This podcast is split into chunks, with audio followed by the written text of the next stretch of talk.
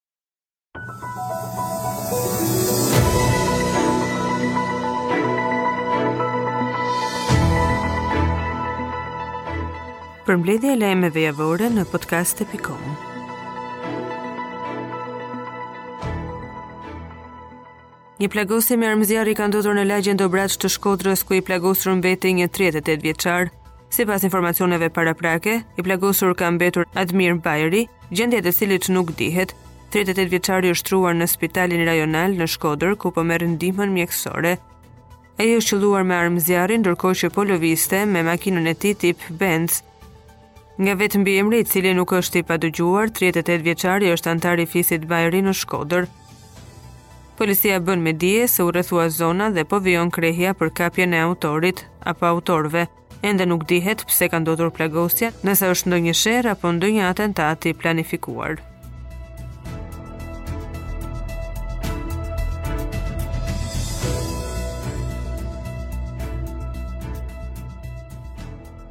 Protestuesit kanë bllokuar rrugët e Tiranës pasi çmimet e karburanteve vazhdojnë të thyejnë rekordet në vend.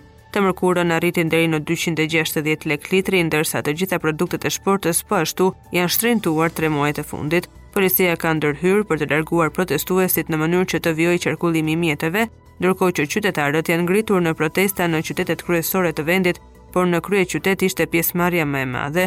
Nën moton as të majtë as të djathtë, por popull, Qytetarët kërkojnë nga qeveria uljen e taksave, subvencione dhe ngrirjen e çmimeve të produkteve të shportës.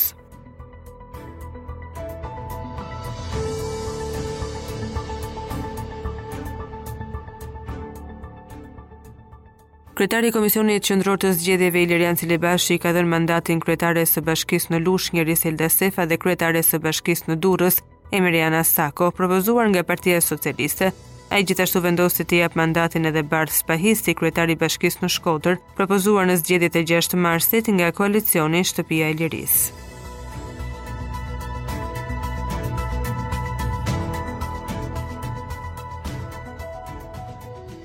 Kryeministri Edi Rama ka paralajmëruar se çmimi i energjisë elektrike në tregjet ndërkombëtare do të shkojë në shifra stratosferike, Sot Shqipëria është ndoshta i vetmi vend që nuk e ka rritur asnjë qindarkë faturën e energjisë.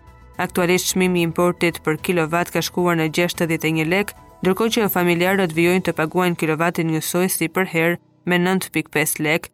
Shqipëria nuk prodhon ende dot të gjithë sasinë e energjisë që i nevojitet, sepse prodhimi varet nga reshjet e shiut dhe të dëborës, të cilat për vitin e tretë rresht janë shumë më të ulta sesa deri tri vite më parë.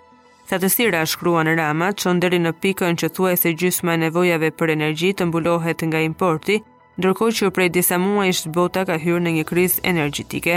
Tanimë për shkak të luftës në Ukrainë, çmimi për megavat vazhdon të rritet çmendurisht, orë e çast nga 52 euro vjet në 550 euro aktualisht. Gjasat janë që rritja marramendëse të vazhdojë dhe parashikimet shkojnë deri në çmendurinë totale të 1000 eurove për megavat orë. Rama shkruan se sot Shqipëria është ndoshta i vetmi vend që nuk e ka rritur faturën e energjisë. Këtë diferencë ai thotë se e mbulon krejtësisht shteti, përtej 45 milion dollarëve që shkojnë çdo vit nga buxheti i shtetit për kompensimin e 2.5 lekëve për kilovat orë për çdo familje në nevojë.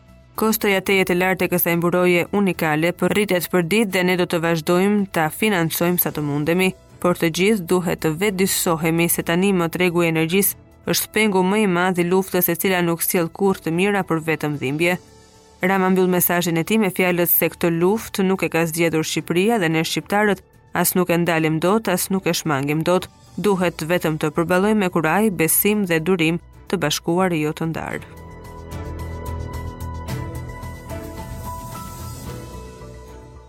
është ndarë nga jeta në moshën 90 vjeçare korifeu i këngës qytetare durrsak Qemal Kërtusha. Qemal Kërtusha ka lindur më 27 tetor të vitit 1931 dhe ka marrë titullin artist i merituar në vitin 1968 për vlerat e mëdha artistike dhe njerëzore të tij. Ai është përfshirë shumë shpejt në lëvizjen amatore artistike të qytetit, qysh në vitin 1946. Më pas bëhet pjesëmarrës i filarmonisë shqiptare në Tiranë dhe në ansamblin e ushtrisë, pasi kryen shkollën e mesme në vendlindje në periudhën 1951-1953, studion për kanto me pedagogen Artiste e popullit, Maria Kraja, më pas kthehet në qytetin e lindjes dhe përfshihet si aktor në teatrin Aleksandër Moisiu. Në vitin 2008 i është akorduar titulli qytetar nderi i Durrësit. Homazhet për këngëtarin dhe artistin e shquar durrsak u zhvilluan ditën e enjte në hollin e teatrit Aleksandër Moisiu në Durrës.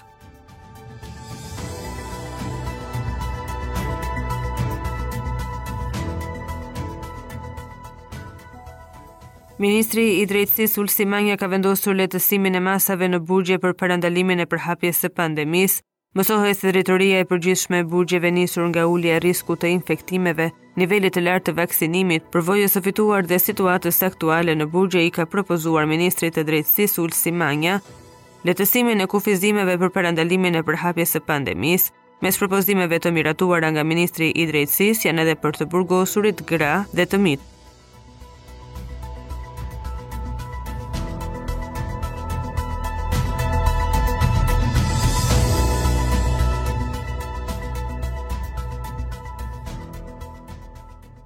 është zbardhur vendimi i arsyetuar i gjykatës për ish-ministrin e Brendshëm Saimir Tahiri, i cili u dënua nga GJKKO me 5 vite burg, por me gjykim të shkurtuar, dënimi ulet në 3 vite e 4 muaj burgim. Pas publikimit të vendimit të argumentuar të gjykatës tashmë i hapet rruga për rekurs në gjykatën e lartë, rekurs që është paralajmëruar më herët nga avokati i tij mbrojtës Maks Haxhia. Gjykata arsyeton se përgjimet e personave dhe grupit kriminal Habilaj që flasin për Saimir Tahirin janë prova pasi bashkëbisedimet e tyre janë të sinqerta pasi nuk kanë dijeni se janë duke u përgjuar. Nga ana tjetër rezulton se nuk është i vërtetë konkluzioni i prokurorit se grupi kriminal i Habilajve ka nisur aktivitetin kriminal kur Saimir Tahiri u bë ministër. Pasi aktivitetin kriminal, ky grup e ka kryer më herët, por përfshirja e Tahirit si pjesë e grupit u krijoi atyre lehtësira në trafikim. Provohet tej çdo dyshimi të arsyeshëm se dhuratat janë blerë për Tahirin, por nuk rezulton e provuar përtej çdo dyshimi të arsyeshëm që i pandehuri Tahiri i mori këto dhurata si shpërblim. Po ashtu, në vendimin e gjykatës thuhet se familjarët e ish-ministrit kanë patur kontakte me grupin kriminal. Sipas gjykatës, automjeti i Tahirit u përdor për 2 vite nga grupi kriminal dhe me mosndryshimin e pronësisë favorizoi me ndërgjegje këtë grup kriminal. Pas një seance maratonë, GJKKO e dënoi Saimir Tahirin me 5 vite burg për shpërdorim të detyrës, por me gjykim të shkurtuar ulet dënimi në 3 vite e 4 muaj burgim. Tahiri u dënua vetëm për shpërdorim detyre duke i shpëtuar akuzave për korrupsion të zyrtarëve të lartë, trafik të lëndëve narkotike kryer në bashkëpunim dhe grup të strukturuar kriminal. Në argumentimet e vendimit, GJKKO nënvizon se Rezulton se Tahiri ka lidhje me Moisi Habilaj dhe Artan Habilaj dhe këto lidhje kanë ndikuar që grupi kriminal të infiltrohet në radhët e punonjësve të policisë dhe të shtetit dhe të pengojë luftën ndaj trafikut të drogës.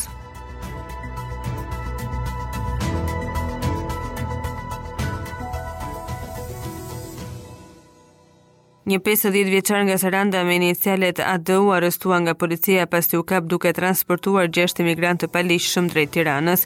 Policia bën me dije se ai u arrestua në kuadër të operacionit Qafa e Hanit, ku u kap në flagrancë në vendin e quajtur Qafa e Hanit, në aksin rrugor Konispol Sarandë duke transportuar me automjetin e tij gjashtë emigrantë të paligjshëm nga vendet MENA kundrejt fitimit.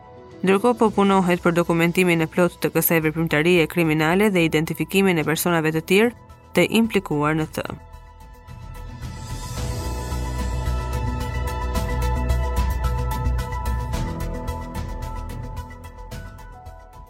Ambasadori amerikan në Tiranë Yuri Kim ditën e shtunë u bëri thirrje zyrtarëve shqiptarë që të sigurojnë votuesit se ata mund të shprehin lirisht vullnetin e tyre pa asnjë trysni blerje votash ose pengesa të tjera. Një thirrje të tillë Kim e bëri përmes rrjetit social Instagram, e cila theksoi se ndërkombëtarët po vëzhgojnë zgjedhjet.